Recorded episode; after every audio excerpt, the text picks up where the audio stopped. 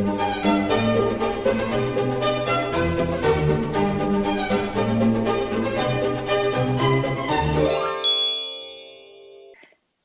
och välkomna till Kungligt Med Jenny Alexandersson. och Sara Eriksson. Jenny, idag har vi faktiskt någonting att fira. Ja, det här är ju faktiskt avsnitt nummer 20 som vi spelar in. Ja, det går fort när man har roligt. Det gör och det. eh, av alla de här avsnitten så har vi faktiskt nu spelat in hela 12 stycken på distans. Och eh, ja, jag längtar väldigt, väldigt mycket tills vi kan återigen ses i en studio och spela in. Ja, men jag också. Det blir på ett helt annat sätt. Nu sitter vi i varsin del av stan. Vi, jag hör din röst, men eh, det är allt. Jag, det är lite annorlunda att spela in när man inte ser varandra. Och tekniken är ju inte alltid med än, så är det ju. Men eh, det går ändå förvånansvärt bra måste jag säga. Ja. Man hittar liksom nya, nya lösningar och, och allt. Och så får vi hoppas att ni lyssnare har överseende med att ljudet inte alltid är det perfekta. Nej, precis. Det kan komma någon hammare i väggen och någonting utanför. Man vet aldrig. Men eh, kungligt snack blir det oavsett. Det blir och, det. Eh, det har ju hänt väldigt mycket i den kungliga världen sen vi pratade sist för en vecka sedan. Och framförallt så har det ju återigen stormat en hel del bland, ja det är framförallt två kungligheter. Det verkar liksom aldrig ta slut på rubriker och misstankar kring, kring de här två herrarna får man ändå lov att säga. Ja, och vi pratar ju såklart om Spaniens ex-kung Juan Carlos och drottning Elisabeths son prins Andrew. De har ju egentligen inte så mycket med varandra att göra. Mer än att de är kungligheter båda två. Men de verkar ju absolut dela en sak gemensamt. Och det är att de, de vill tänja på gränserna. Gå emot lagen. Ja, och eh, det verkar, som att de kan tro, det verkar som att de tror att de kan göra det helt obemärkt för att de har den här kungliga statusen. Men nej, vi Nej. ser er. Vi ser er ihop med väldigt, väldigt många andra. Ja, Men- precis. Vi kan ju börja då i, i Spanien då. Spaniens ex-kung i blåsväder igen skulle man väl kunna sätta en rubrik på honom. Verkligen. Och bara Ja. lite snabbt, Juan Carlos, han är ex-kung. Han blev kung 1975. Han har faktiskt varit en av Europas mest populära regenter genom tiderna. Men hans regentid har senaste åren kantats av många skandaler. Han åkte på elefantjakt med sin älskarinna mitt under den ekonomiska krisen. Hans svärson dömdes för korruption och skattebrott. Han sägs ha varit otrogen i åratal och han har haft nära band till Saudiarabien på flera sätt som innebär mycket pengar. Ja. Så en snabb, eh, snabb roundup på vem är Jean Carlos, nu vet ni. Nu vet ni vad allt ni behöver veta. Ja, men det är just den här då kopplingen till Saudiarabien som är högaktuellt just nu. För det handlar om att en åklagare vid Spaniens högsta domstol stol har inlett en förundersökning emot eh, ex-kungen då, Jean Carlos. Och eh, det ska då handla om att spanska företag fick eh, lukrativa kontrakt för att bygga den här höghastighetståglinjen eh, Mecca-Madina i Saudiarabien som öppnades, ja det var väl för något år sedan va? Ja. Och eh, Jean Carlos på, påstås då ha varit inblandade i de här affärerna. Och det åklagaren gör nu det är att undersöka hur han kan omfattas av förundersökningen. För att som regent av Spanien så hade han då åtalsimmunitet fram till 2014 då han abdikerade och lämnade över tronen till sin son Felipe. Men efter 2014 så kan han ju åtalas ifall han har gjort någonting olagligt.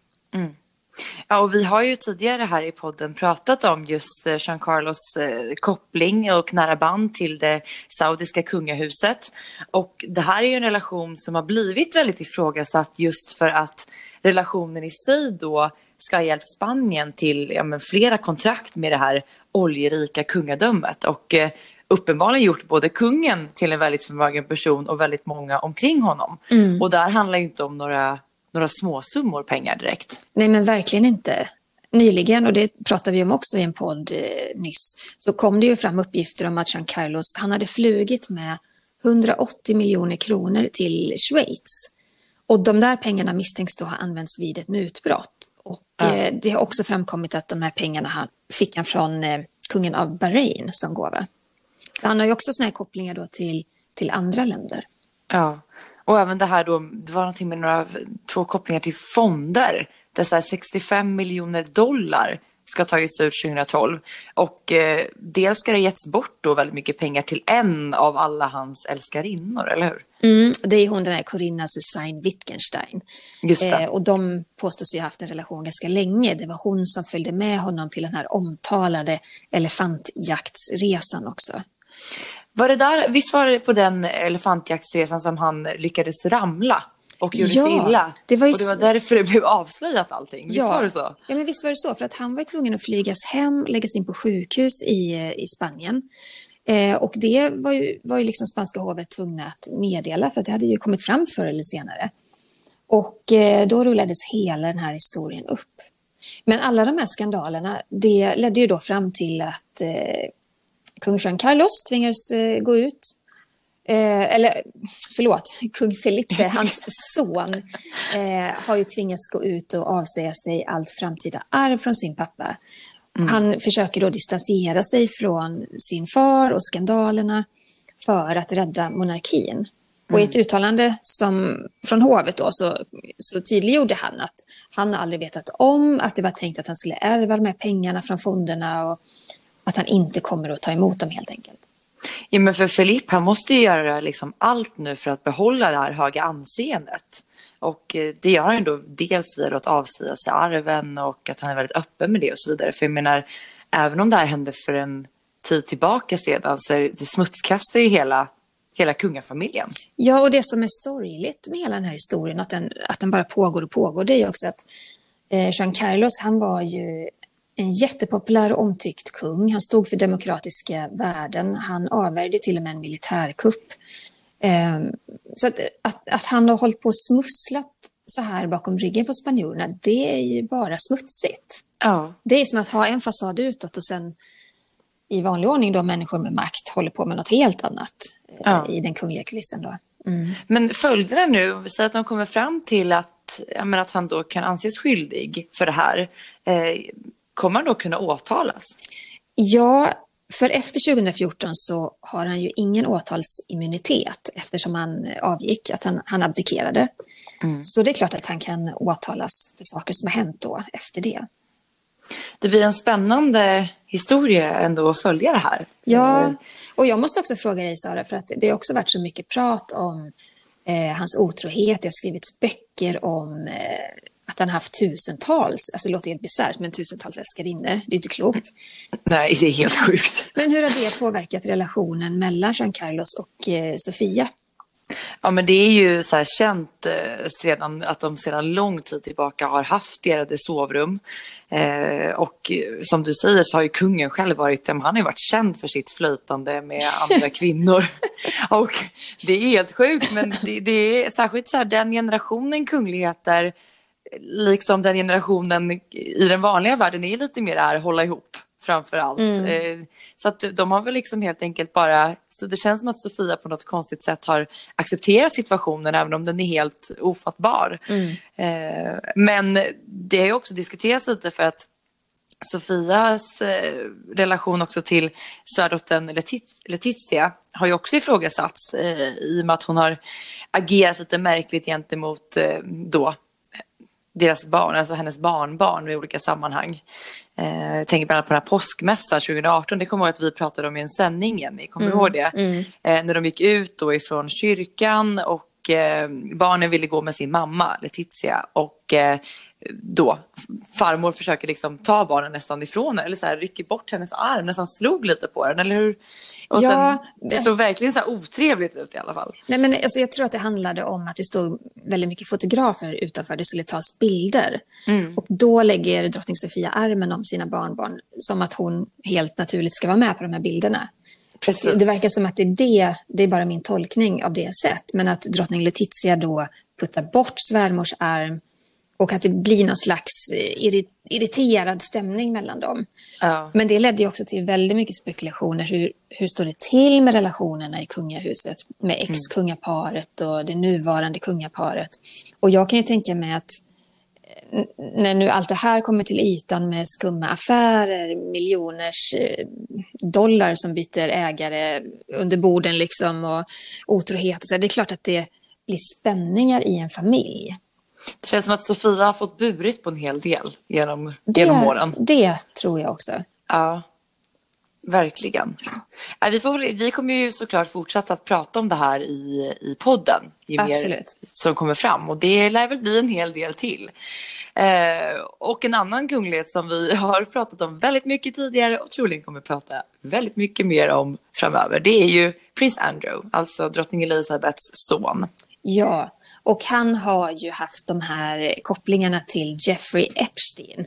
Och Epstein det är ju en man som, som dömdes för sexbrott och pedofili.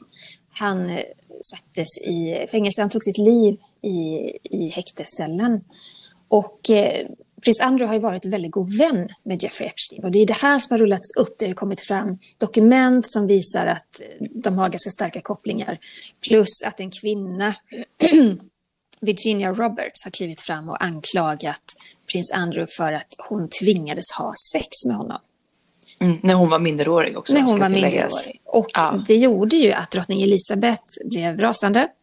Och sen slutet av 2019 så har ju prins Andrew varit fråntagen sina kungliga uppdrag. Alltså han är inte längre någon arbetande kunglighet, även om han fortfarande har kvar sin kungliga titel. Ja. Och turerna kring det här har varit väldigt många. Och eh, som många av er som lyssnar säkert vet så slutade ju faktiskt här i en katastrof då Andrew beslutade sig för att ställa upp i en intervju för BBC.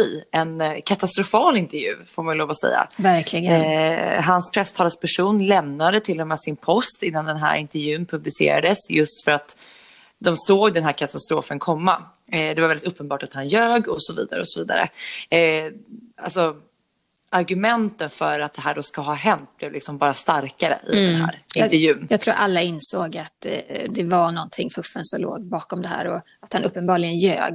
Eh, och Ja. det har ju brittiska medier massakrerat i, i artikel efter artikel och tagit fram de här lögnerna och visat på, på vad han har ljugit om då. Men Ja men exakt. Och sen då, vi har ju inte sett eh, honom i några kungliga sammanhang överhuvudtaget. I, men som du nämnde så har han blivit liksom utstängd ur eh, den kungliga värmen. Alltså ut i kylan igen. Eh, vi såg honom vid en gudstjänst tillsammans med drottningen. Det är faktiskt egentligen enda gången som, som vi har sett honom. Men trots att drottning Elizabeth har satt ner foten och att liksom hela världen ifrågasätter hans agerande så är ju givetvis inte det nog utan amerikanska myndigheter de menar ju nu också att Andrew inte har velat samarbeta. och samarbeta då i den här utredningen som pågår. Det är en enorm Precis. utredning kring Jeffrey Epstein. Och där försöker man då tala med så många inblandade som möjligt. Mm. Och FBI då har ju sedan i höstas velat höra Andrew i det här. Och eh, Andrew själv har förnekat det här. Eh, kommer du ihåg den här buss, det var en buss va? Som Ja. åkte med så här, har ni sett Andrew? Det var ju Mm. Virginia Roberts advokat. Hon gjorde en jäkla kupp får man ju säga för att hon klädde en hel buss med ett enormt plakat där det stod eh, Har ni sett den här mannen så var en bild på, på prins Andrew. Ja. Eh, och det var en riktig PR-kupp, verkligen. Ja. Eh, och det är ju så här att eh, uppenbarligen FBI hävdar att de har försökt att få prins Andrew att eh, vittna eller att samtala med dem. Eh, han går ut i medierna, prins Andrew går ut i medierna och även hans advokater då säger att det stämmer inte alls för att prins Andrew han har erbjudit sig, sin hjälp vid tre tillfällen. Eh, och eh, så ord står mot ord helt enkelt.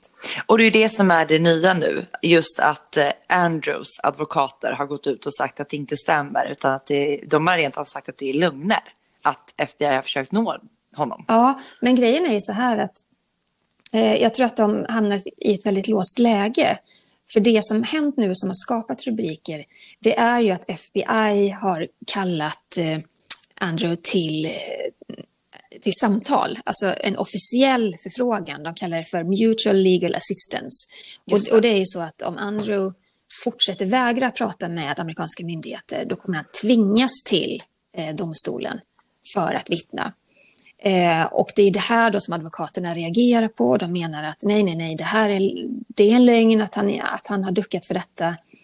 Eh, och eh, ja, de försöker väl slå tillbaka så gott de kan helt enkelt. För att det här är också, det här handlar ju om en människa, en kunglig persons status, trovärdighet Och den är ju redan så skamfilad när det gäller prins Andrew. Så jag tror, Ja, men att, jag tror att de gör exakt. allt. Kan den liksom bli mer nersmutsad än vad den redan är? Hade det inte bara varit bättre att han samtalade och hjälpte till i den här utredningen? För att även om han har gjort liksom mycket dumt och måste stå till svars för det och få liksom ta sitt ansvar i det så är det ju hans då goda vän eh, Jeffrey Epstein har ju gjort allting i kvadrat. Jag Eh, tror... och där måste ju eh, han hjälpa till att vittna för att liksom komma framåt i den här utredningen också. Ja, det skulle man kunna tänka sig. Men ur prinsens perspektiv så handlar det också om att det kanske finns mycket mer att dölja. Han, han kanske har väldigt mycket att förlora på att ställa upp som vittne. För det är också så att eh, om han vittnar och eh, gör det falskeligen, det kan bli oerhört eh, tufft och stränga straff för honom i det läget. Så att i hans läge har han nog uppenbarligen medvetet eh, planerat att det är bättre att ducka Eh, Men jag tror inte han kommer kunna göra det så mycket längre. Han kör en klassisk strutsmetod och Han gör tror det. att det här kommer nog ingen märka om något år, men eh, det kommer vi ändå. Ja, det här, nu när amerikanska myndigheter sätter åt mot, mot hårt så tror jag att han har ingen val, utan han, han måste träffa FBI och prata med dem. Fortsättning följer även där. Mm. Nu ska vi gå över till Meghan. Hon dyker ju alltid upp i vår podd på ett eller annat sätt. Alltid. Och eh, förra veckan så höll eh, hon ett examensanförande via en digital länk. Och det var till elever som eh, pluggar vid samma gymnasium där hon själv pluggat. Immaculate Heart High School. Och hon började med peppande ord om att de har kämpat på bra med skolan.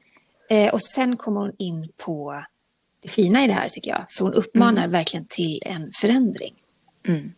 Och Meghan pratar ju då om mordet på George Floyd eh, och eh, uppmanade alla till att mer måste liksom göras för att bekämpa rasismen. Och de som inte vet vem George Floyd är, det kan man ju bara säga lite snabbt att det är den här svarta mannen som blev mördad av flera poliser Precis. ganska nyligen. Och det har ju lett till upplopp och protester. Och eh, det här var ju ett eh, väldigt rörande tal från Megans sida. Det var ett viktigt tal och eh, framförallt så var det ett tal som hade varit väldigt svårt för Meghan att framföra som aktiv medlem av det brittiska kungahuset. Ja, för som kunglighet så måste man ju vara politiskt neutral och man ska inte lägga sig i olika politi- politiska skeenden. Vi kan lyssna lite hur det lät. Ja, I wasn't sure what I could say to you. I wanted to say the right thing. I realized the only wrong thing to say is to say nothing. Because George Floyd's life mattered.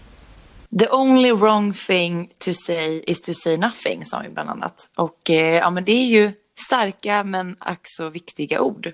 Och eh, i den här intervjun så berättar hon även delar ifrån sin, sin egna barndom och om den rädsla som hennes familj och familjer som hon, hon känner, liksom känt flera gånger under sin uppväxt. Och hon, hon hoppas nu även på att världen ska öppna ögonen för vad det är som pågår och att det här inte ska behöva hända igen.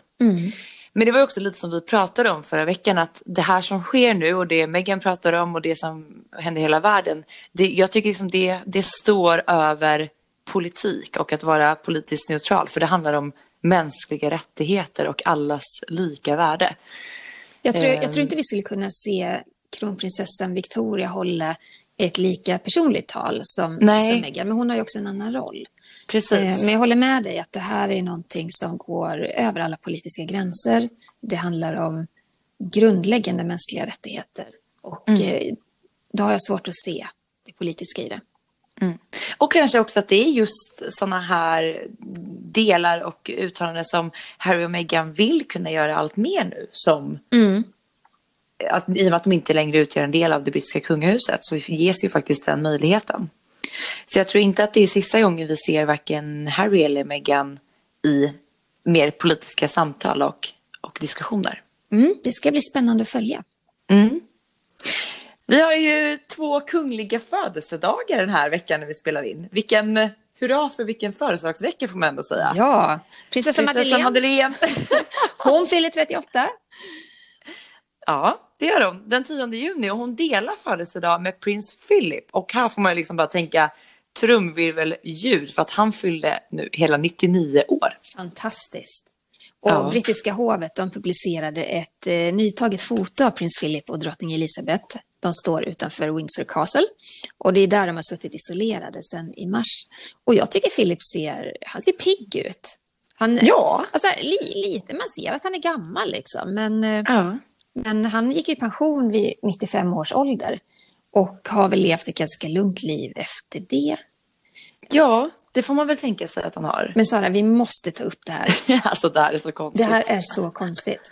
När man granskar den här bilden lite närmare så är det lite konstiga konturer kring den vi ska säga det, om, om ni vill se den här bilden så kan ni antingen gå in på Jennys eh, konto på Instagram, kungligt med Jenny, eller royalistan.se eller The Royal Family som brittiska kungahuset heter på Instagram. För där finns den bilden. Och är den inte photoshoppad? Jo, kungliga fans över hela världen har ju ställt sig totalt frågande till den här bilden. Eh, om man tittar på drottningens händer så ser man hur pixligt det är. Alltså om man är riktigt dålig på Photoshop så kan Ja. det bli sådär pixligt. Och även deras konturer och man ser också ljussättningen skiljer sig totalt på bakgrunden och eh, de två personerna. Men varför gör man så här? Men jag förstår inte heller det, för de båda befinner sig ju på Windsor Castle, så vitt vi vet. Och eh, bilden som ändå har tagits, den har vi inte sett tidigare på de två. Nej. Så det är någon form av nytagen bild. Ja, Och varför har man då klippt in dem? Att vill de inte gå ut? Eller regnar det? Vad, vad är det som pågår? Nej, alltså jag undrar också. Eller, Men gud, eller jag går, jag går in och kollar på bilden nu igen när vi pratar. Det är faktiskt jätte, jättekonstigt. Eller är någon av dem kanske sjuk eller sängliggande som att man får ta en gammal bild och en ny och sätta ihop? Jag vet inte, men Du menar att det skulle vara två helt olika bilder? Att liksom en är från liksom en separat plåtning med Philip och en är separat med drottning Elizabeth, så de hör inte ens samman? alltså jag vet inte. det? Jag har ingen aning. Men den är uppen, uppenbarligen photoshoppad den här bilden. Ja, man ser det framförallt där vid drottning Elizabeths händer, måste jag säga. Det var ju det vi pratade om. Väldigt märkligt. Ja, men eh, apropå det här med att eh, Philip gick i pension vid 95 års ålder. Kommer du ihåg vilket maskineri det blev kring det här? Och liksom, Ja. man trodde att det var någonting allvarligt som hade hänt. Hovet hade ju, om jag minns rätt, alltså det, det kom här signaler om det var brittiska BBC eller någon, det kom signaler om att det ska hållas något pressmöte. Och det var ju typ ett dygn innan, om inte mer. Och folk... Nattetid också tror jag att det blev som mest, liksom så här, eller om det var väldigt tidig morgon, Ja, ja, för fyra, vi- laddade, jag kommer ihåg att jag blev uppringd, vi laddade för en extra sändning. Alla trodde att han har avlidit, att prins Ja. Philip har lämnat jorden, liksom, jordlivet. Ja. Eh, och det sattes igång en enorm apparat och det var total förvirring, alltså över hela världen då som följer, som följer det här. Eh, och sen så visade det sig att nej, hovet skulle bara meddela att prins Philip med rätta skulle gå i pension. Så att det var Ja, det var- sånt antiklimax. Och nu menar, nu menar jag inte att folk stod och väntade på att han skulle dö. Nej, Utan inte. antiklimax på det sättet att, att eh, redaktioner över hela världen hade förberett sig för att göra en fin och allvarlig liksom, sändning kring ett historiskt ögonblick. Men så blev det istället eh, en liten vindpuff. Ja men det var ju tur det. Men jag kommer verkligen ihåg just den där, så här, nu har brittiska hovet kallat in all sin personal. Mm. tänkte man, hjälp. Ja. Men då var det helt enkelt bara att prinsen skulle gå i en välförtjänt pension. Mm. Och eh, det pratas ju faktiskt om att drottning Elizabeth också funderar på att göra det nu vid 95 års ålder. Hon fyller ju 95 i april då nästa år, 2021. Och eh, väljer hon att göra det får man väl i alla fall säga att den är väl inarbetad. Ja, och hon kommer ju då inte att abdikera utan fortsätta vara drottning. Så prins Charles blir ju då liksom prinsregent. Han får ta över hennes uppgifter men, men han blir ju liksom inte kung. Det blir han ju först den dagen som hon inte lever längre. Ja. Men vi vet ju helt enkelt inte då hur prins Philip firade sin födelsedag i och med att han uppenbarligen är photoshoppad framför Windsor Castle. Men vi vet att prinsessa Madeleine firade sin födelsedag hemma i Florida. För vi fick ju faktiskt ta del av ett nytt foto även där som inte såg så photoshoppat ut. Mm, det var jättefint. Det syntes Ja. att det var taget med en mobilkamera. Det är härligt, det får vara naturligt och eh, ja, det är bara bra.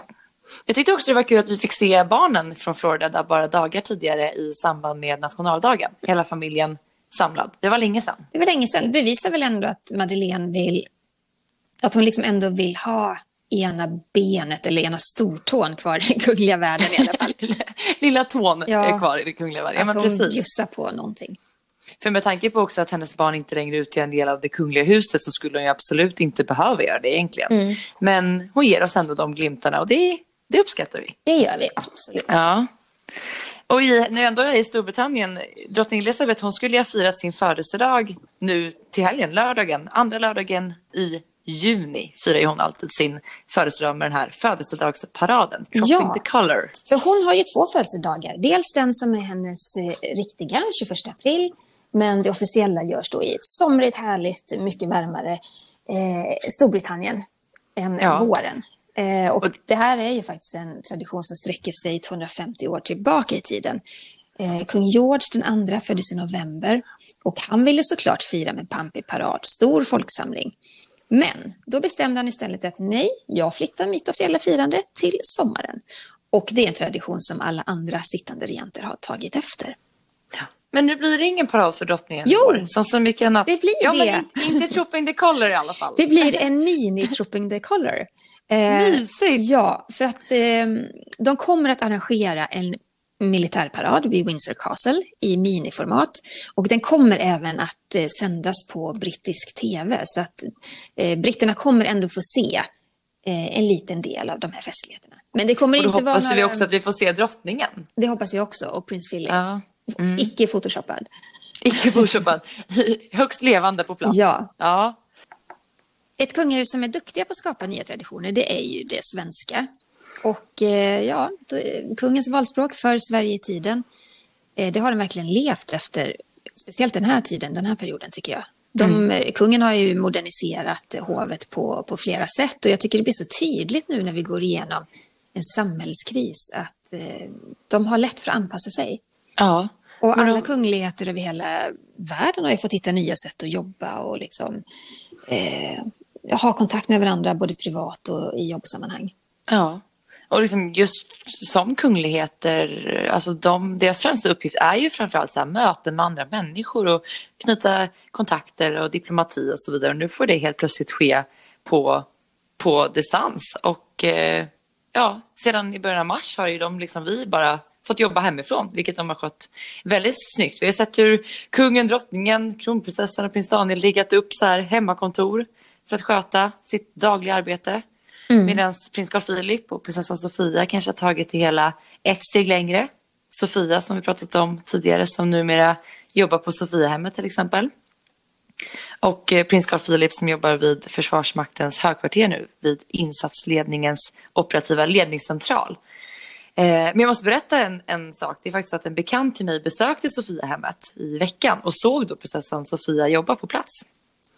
Det tycker jag är härligt. Ja, och eh, han sa då att hon var väldigt engagerad och eh, att han, när han då fick syn på prinsess, prinsessa Sofia så gjorde hon rent en sjukhussäng. Och det är ju lite av de uppgifterna hon har nu, så här, städning och förberedelse i köket och så vidare. Mm. Och det tycker jag det är bra att man får ett sånt vittnesmål för att det har också varit en falang av kritiker som menar på att nej men det där var bara ett spel för gallerierna och hon, eh, prinsessa Sofia har ju knappt varit där och jobbat men nej, men nu vet vi. Nu hon vet är vi. där och jobbar. En väldigt eh, säker källa till mig har sett henne där, högst eh, arbetande Mm. kunglighet på Sofiahemmet. Så det är väl väldigt bra.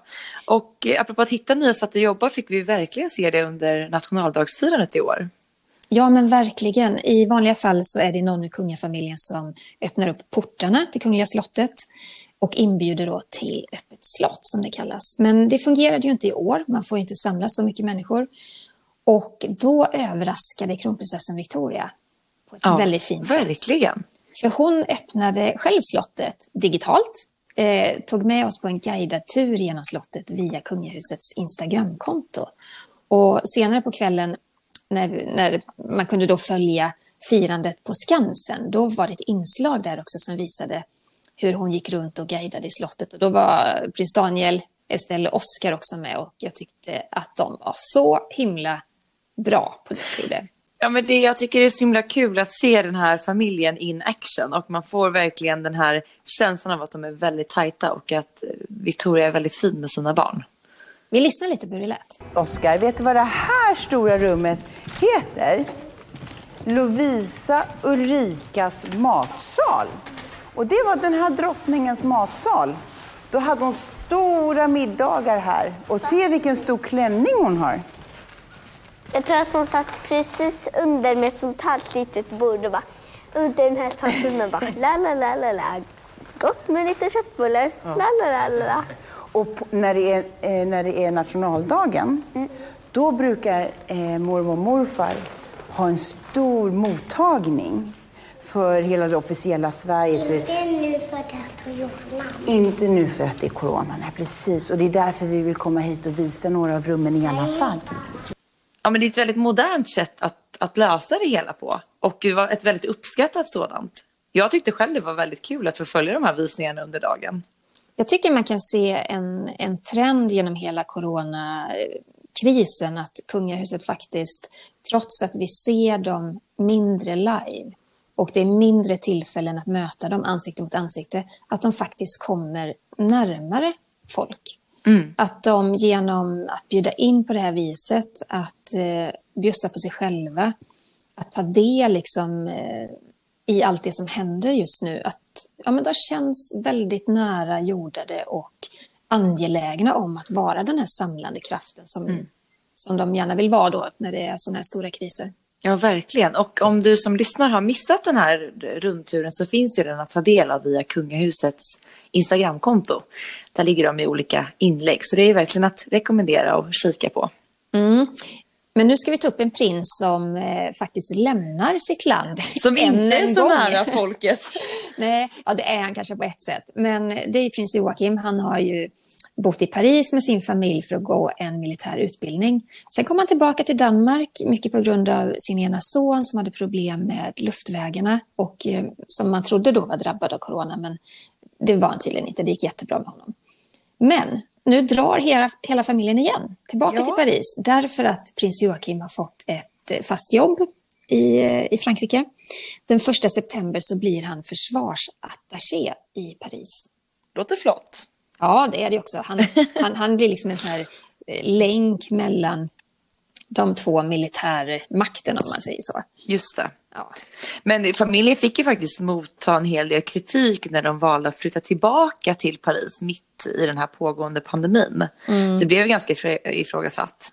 Eh, Men nu kommer han alltså att stanna kvar där i och med att han får sitt jobb. Ja, det, det blir väl där som de bosätter sig helt enkelt. Sen om Ja. det gäller ett par år eller resten av livet, det vet vi ju inte. Men, men de har ju starka kopplingar båda två till Frankrike. Eh, Marie är ju född i Frankrike och eh, prins Joakims pappa, prins Henrik, han var ju också fransman. Så att, eh, han kan ju språket lika väl som, som sin fru. Och att de väljer att bo utomlands, det är precis som att prinsessan Madeleine väljer att bo utomlands egentligen. Så att det, är ju, det är inte så konstigt. Det var väl mer att det blev ifrågasatt att det skedde just under den här pandemin kanske, att man valde att flytta tillbaka. Men kul, då vet vi vad, vad Joakim sysslar med från och med första september. Då. Ja. Vi vet också vad prinsessan Louise sysslar med. Ja. Berätta- vem prinsessan Louise är. Ja, men vi har inte pratat så mycket om henne här i podden, vilket jag tycker att vi borde göra, för det är väldigt spännande. Eh, prinsessan Louise, född eh, Johansson, hon är då från Sverige. Eh, hon gifte sig med kronprinsen av Malaysia. Och nu ska vi se om jag kan uttala hans namn här. Tenku Mohammed Faiz Petrav av Ja. Malaysia. Ja, Ja, det måste ju stämma. Det måste stämma. Och eh, vi pratade väldigt mycket om det i tv-programmet Kungligt med Jenny när det här bröllopet, när det var dags för det. Eh, Men sen har vi inte pratat så mycket om henne. Men i veckan fyllde Louise då 34 år eh, och hon befinner sig ju då i Malaysia. Men hon ville ju fira födelsedagen lite på svenskt vis. Och eh, berättade då via sitt Instagramkonto att hon blev uppvaktad av sin man på morgonen med tårta på sängen. Och att han även ska ha gett sig på ett försök att sjunga Jag må leva. Fantastiskt. Ja. För under eftermiddagen så tog Louise kusin med henne till Ikea eh, för att besöka restaurangen, äta lite svenskinspirerad mat. Och så kunde de ju passa på att fira nationaldagen eftersom det var då samma dag. Och det här delar hon med sig av på, på sitt Instagramkonto. Så Det stod eh, poserande framför Ikea-skylten och en dalahäst faktiskt var det där. ja, svenskar kan det ju inte bli. Undrar om hon åt köttbullar? gjorde hon säkert. Köttbullar och brunsås ska det vara på födelsedagen. Ja, det Bru- brunsås, alltså bara det... Oh. Heter det inte så? Jo, det gör det ju, men jag... Alltså, oh. Nej, Jag känner det så. Jag är ju vegetarian så köttbullar är ingen hit här borta faktiskt. Nej, jag men, men det finns ju faktiskt mycket svenskt gott på Ikea även Ja, det det. i utlandet. Så att, eh, det är en sån klassiker. Man har vänner som bor utomlands. Då åker ju de gärna till Ikea för att få lite svenska vibbar. Mm. Alltså, Sara, i det här programmet så har vi sammanfattat så många kungliga nyheter. Det är högt och lågt, vi gör eh, stora hopp mellan människor. Vi gör ett gigantiskt hopp. Från Ja, prinsessan faktiskt. Louise av Malaysia till Leif GW Persson. Ja, och vad har han med kungligt att göra kan man fråga sig. Men det har han faktiskt nu. För att i samband med nationaldagen så eh, presenteras ju alltid då vilka som tilldelas årets medaljer av kungen. Och i år så är en av de utvalda Leif GW Persson som då tilldelas kungens medalj i tolfte storleken och i högblått band. Och motiveringen den är så här. För sina framstående folkbildande insatser som kriminolog. Ja, Där fick han den medaljen. där fick han den. Men det var ju såklart ingen utdelning av medaljerna i år på grund av läget. Men eh, troligen så kommer det att kunna äga rum senare i år. Och man kan ju inte tänka sig GV glida in på slottet. Alltså jag, jag tycker att han, han är ganska så här, skeptisk till, till det mesta och ofta på ett sunt, om än lite roligt sätt. Jag kan nästan se honom stå där lite och skrocka eller sucka inför att få den här medaljen. Han, han är skön på det sättet att han tar ju inte liksom sånt här på så jätteblodigt allvar. Han tar det med en klackspark 100 procent. Det tror jag också. Ja, jag gillar ju honom. Jag undrar om han har, han har ju alltid sin väst på sig. Undrar om den får följa med även inne på slottet. Det ska bli spännande att se. Hoppas vi får se bilder. Ja. det hoppas jag också. Vi ska eh, gå över till drottning Silvia. Vi stannar i Sverige, går över till drottning Silvia. Eh, hon har ju en stiftelse som heter Care about the Children. Och eh, det är en stiftelse som hon fick i gåva när hon fyllde 70 år av eh, en samling nära vänner under ledning av Olof Stenhammar.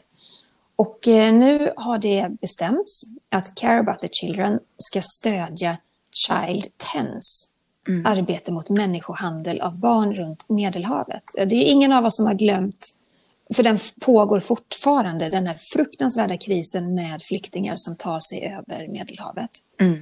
Och Child 10 då, det de gör är att de stöttar gräsrotsorganisationer som på plats då ger stöd och skydd till barn på flykt. Och man kan inte, jag kan inte ens ta in hur många barn som flyr till Europa som lever under fruktansvärda förhållanden. Kanske inte någon riktig tillgång till mat och vatten, definitivt inte tillgång till adekvat vård, hemlöshet. Alltså de är ju så utsatta, de är ju, blir så lätt offer för övergrepp, våld och utnyttjande. Och jag, det är klart att det är ännu värre nu under coronakrisen. Ja, såklart att det är. Och eh, det här är sånt som drottningen, drottning Silvia har jobbat med i alla år. Men nu kommer man då mer fokusera på just Turkiet, Grekland och Spanien, eh, som du sa, för att just kämpa för och, och motverka människohandel med barn. Och drottning Silvia hon jobbar ju väldigt mycket med de här frågorna i skymundan men det är ett väldigt viktigt jobb hon gör tillsammans med sina medarbetare. Ibland kan man nästan känna att drottning Silvia är mer känd för sina insatser utomlands än, än här hemma. Därför att vi kanske Ja. inte uppmärksammar det på samma sätt. Men eh, jag tycker också att det blev tydligare sen för några år sedan när, när hovet gjorde klart att det ska vara fokus på regenten och tronarvingen så har, tycker jag att drottningens arbete lite grann har hamnat mer i skymundan. Och det, det är synd för att eh, hon är ju enormt engagerad och gör skillnad verkligen. Där känner jag direkt att vi har ett helt poddavsnitt egentligen där vi borde prata om drottningens arbete och liksom vägen fram till det eh, och hur stort det faktiskt är. Verkligen. Ja. Men som sagt, det är lite svårt att hoppa mellan ämnen. Eh, men vi ska göra det igen. Vi gör det igen. Vi stannar i Yes. Sverige, men vi hoppar till kronprinsessan Victoria och Ja. Victoriapriset 2020. Precis, nu vet vi vem som eh, ska tilldelas här, eller tilldelas Victoriapriset i sommar. Det här kallades ju tidigare för Victoriastipendiet eh, och det har ju då delats ut till en svensk idrottare varje år sedan 1979 på kronprinsessan Victorias födelsedag som alltid firas på Öland då den 14 juli. Och priset instiftades egentligen som ett eh, så här, sommarens komplement under sommartid till vinterns då Svenska Dagbladets guldmedalj från början. Ja, och i år så är det Armand Duplantis som har fått Victoriapriset. Och han är ju fantastisk. Han har hoppat högre än någon annan stavhoppare genom tiderna. Två gånger dessutom. Eh, det första världsrekordet satte han i februari. Då hoppade han 6,17 meter. Och det var vid inomhustävlingen i Torun i Polen. Eh, och sen en vecka senare så gjorde han det igen. Så att han är ju han är fantastisk. Han förtjänar verkligen att tilldelas det här priset. Ja. Vi får Ja. se hur de löser det. Om det blir digitalt också. Eller hur de löser. Tråkigt när man väl ska få ta emot ett så fint pris att det inte får, får ske i vanlig ordning så att säga. Mm. Jaha, det går fort. Det går fort. Vi har lite lyssnarfrågor vi ska beta av. Ja, Eh, skicka gärna in fler frågor till oss. på kungligt snabela aftonbladet.se. Här kommer en fråga ifrån Line. Hej Jenny och Sara. Jag undrar om prinsessa Madeleines barn får lära sig svenska. Eftersom inte Chris pratar svenska så antar jag att de pratar engelska hemma och att barnen därför inte kommer i kontakt med det svenska språket särskilt mycket. Tack för en intressant och underhållande podd. Tack själv Line. Ja, men tack, tack så jättemycket. Här kommer ett svar från Sara. Ja, eh, prinsessa Madeleine hon har ju faktiskt själv berättat att hon pratar svenska med barnen. Det berättade hon var med i Skavlan bland annat. Och jag tror att det är så att de Madeleine pratar nog svenska och Chris pratar engelska och sen så tror jag att de blandar språk väldigt mycket hemma. Och sen antar jag att barnen pratar svenska när de pratar med mormor och morfar, kungen och drottningen och så vidare. Just för att de ska lära sig båda språken så bra som möjligt. Ja. Då kommer en fråga här då, till dig Jenny. Hej Jenny och Sara, älskar er podd och lyssnar ofta på fredagar efter skolan. Jag har en fråga angående successionsordningen i Danmarks kungahus. Prins Joakim av Danmark fick under sitt första äktenskap två söner, prins Nikolaj och prins Felix. Eftersom han skildes från deras mamma Alexandra, prinsessan Alexandra och numera är gift med prinsessan Marie så undrar jag om detta påverkat prins Nikolas och prins Felix successionsordning eftersom att deras mamma inte längre är kunglig. Om inte, vilken ordning gäller för dem och deras yngre syskon? Undrar Vanessa. Och vad kul Vanessa att du lyssnar på vår podd efter skolan. Ja, jättekul. Och den här, det, här är enkelt att besvara, så här är det. Eh, Felix och Nikolaj, de är en del av tronföljden och det spelar ingen roll att deras mamma Alexandra är skild ifrån prins Joakim och att hon inte är kunglig längre, därför att det påverkar inte deras kungliga status. De är nummer sju och åtta i tronföljden och kommer, eh, kommer alltid att vara det, helt enkelt. Ja, Eller de ko- kommer kanske inte alltid vara nummer sju och nummer åtta, men de kommer alltid vara en del i tronföljden. Så länge... om det kommer några kungliga ja, bebisar. så länge successionsordningen ser ut som den gör i Danmark. Ja. Här kommer en spännande fråga. Hej, varför har kungen aldrig på sig folkdräkt, undrar Lena. Mm, det är ju väldigt eh, en fråga som ofta kommer upp och särskilt så i samband med nationaldagen i och med att de kvinnliga kungligheterna då bär den fina eh, folkdräkten. Och det här är egentligen, det handlar om ett, ett val som de manliga kungligheterna själva gör. Det finns liksom inget tvång kring att bära folkdräkt utan hela kungafamiljen de följer då seden för korrekt klädsel i alla lägen. Och att kvinnorna då väljer att bära folkdräkt eller hembygdsdräkt eller nationaldräkten det är ett frivilligt val som ja, men det uppskattas ju av många. Det är väldigt en fin gest.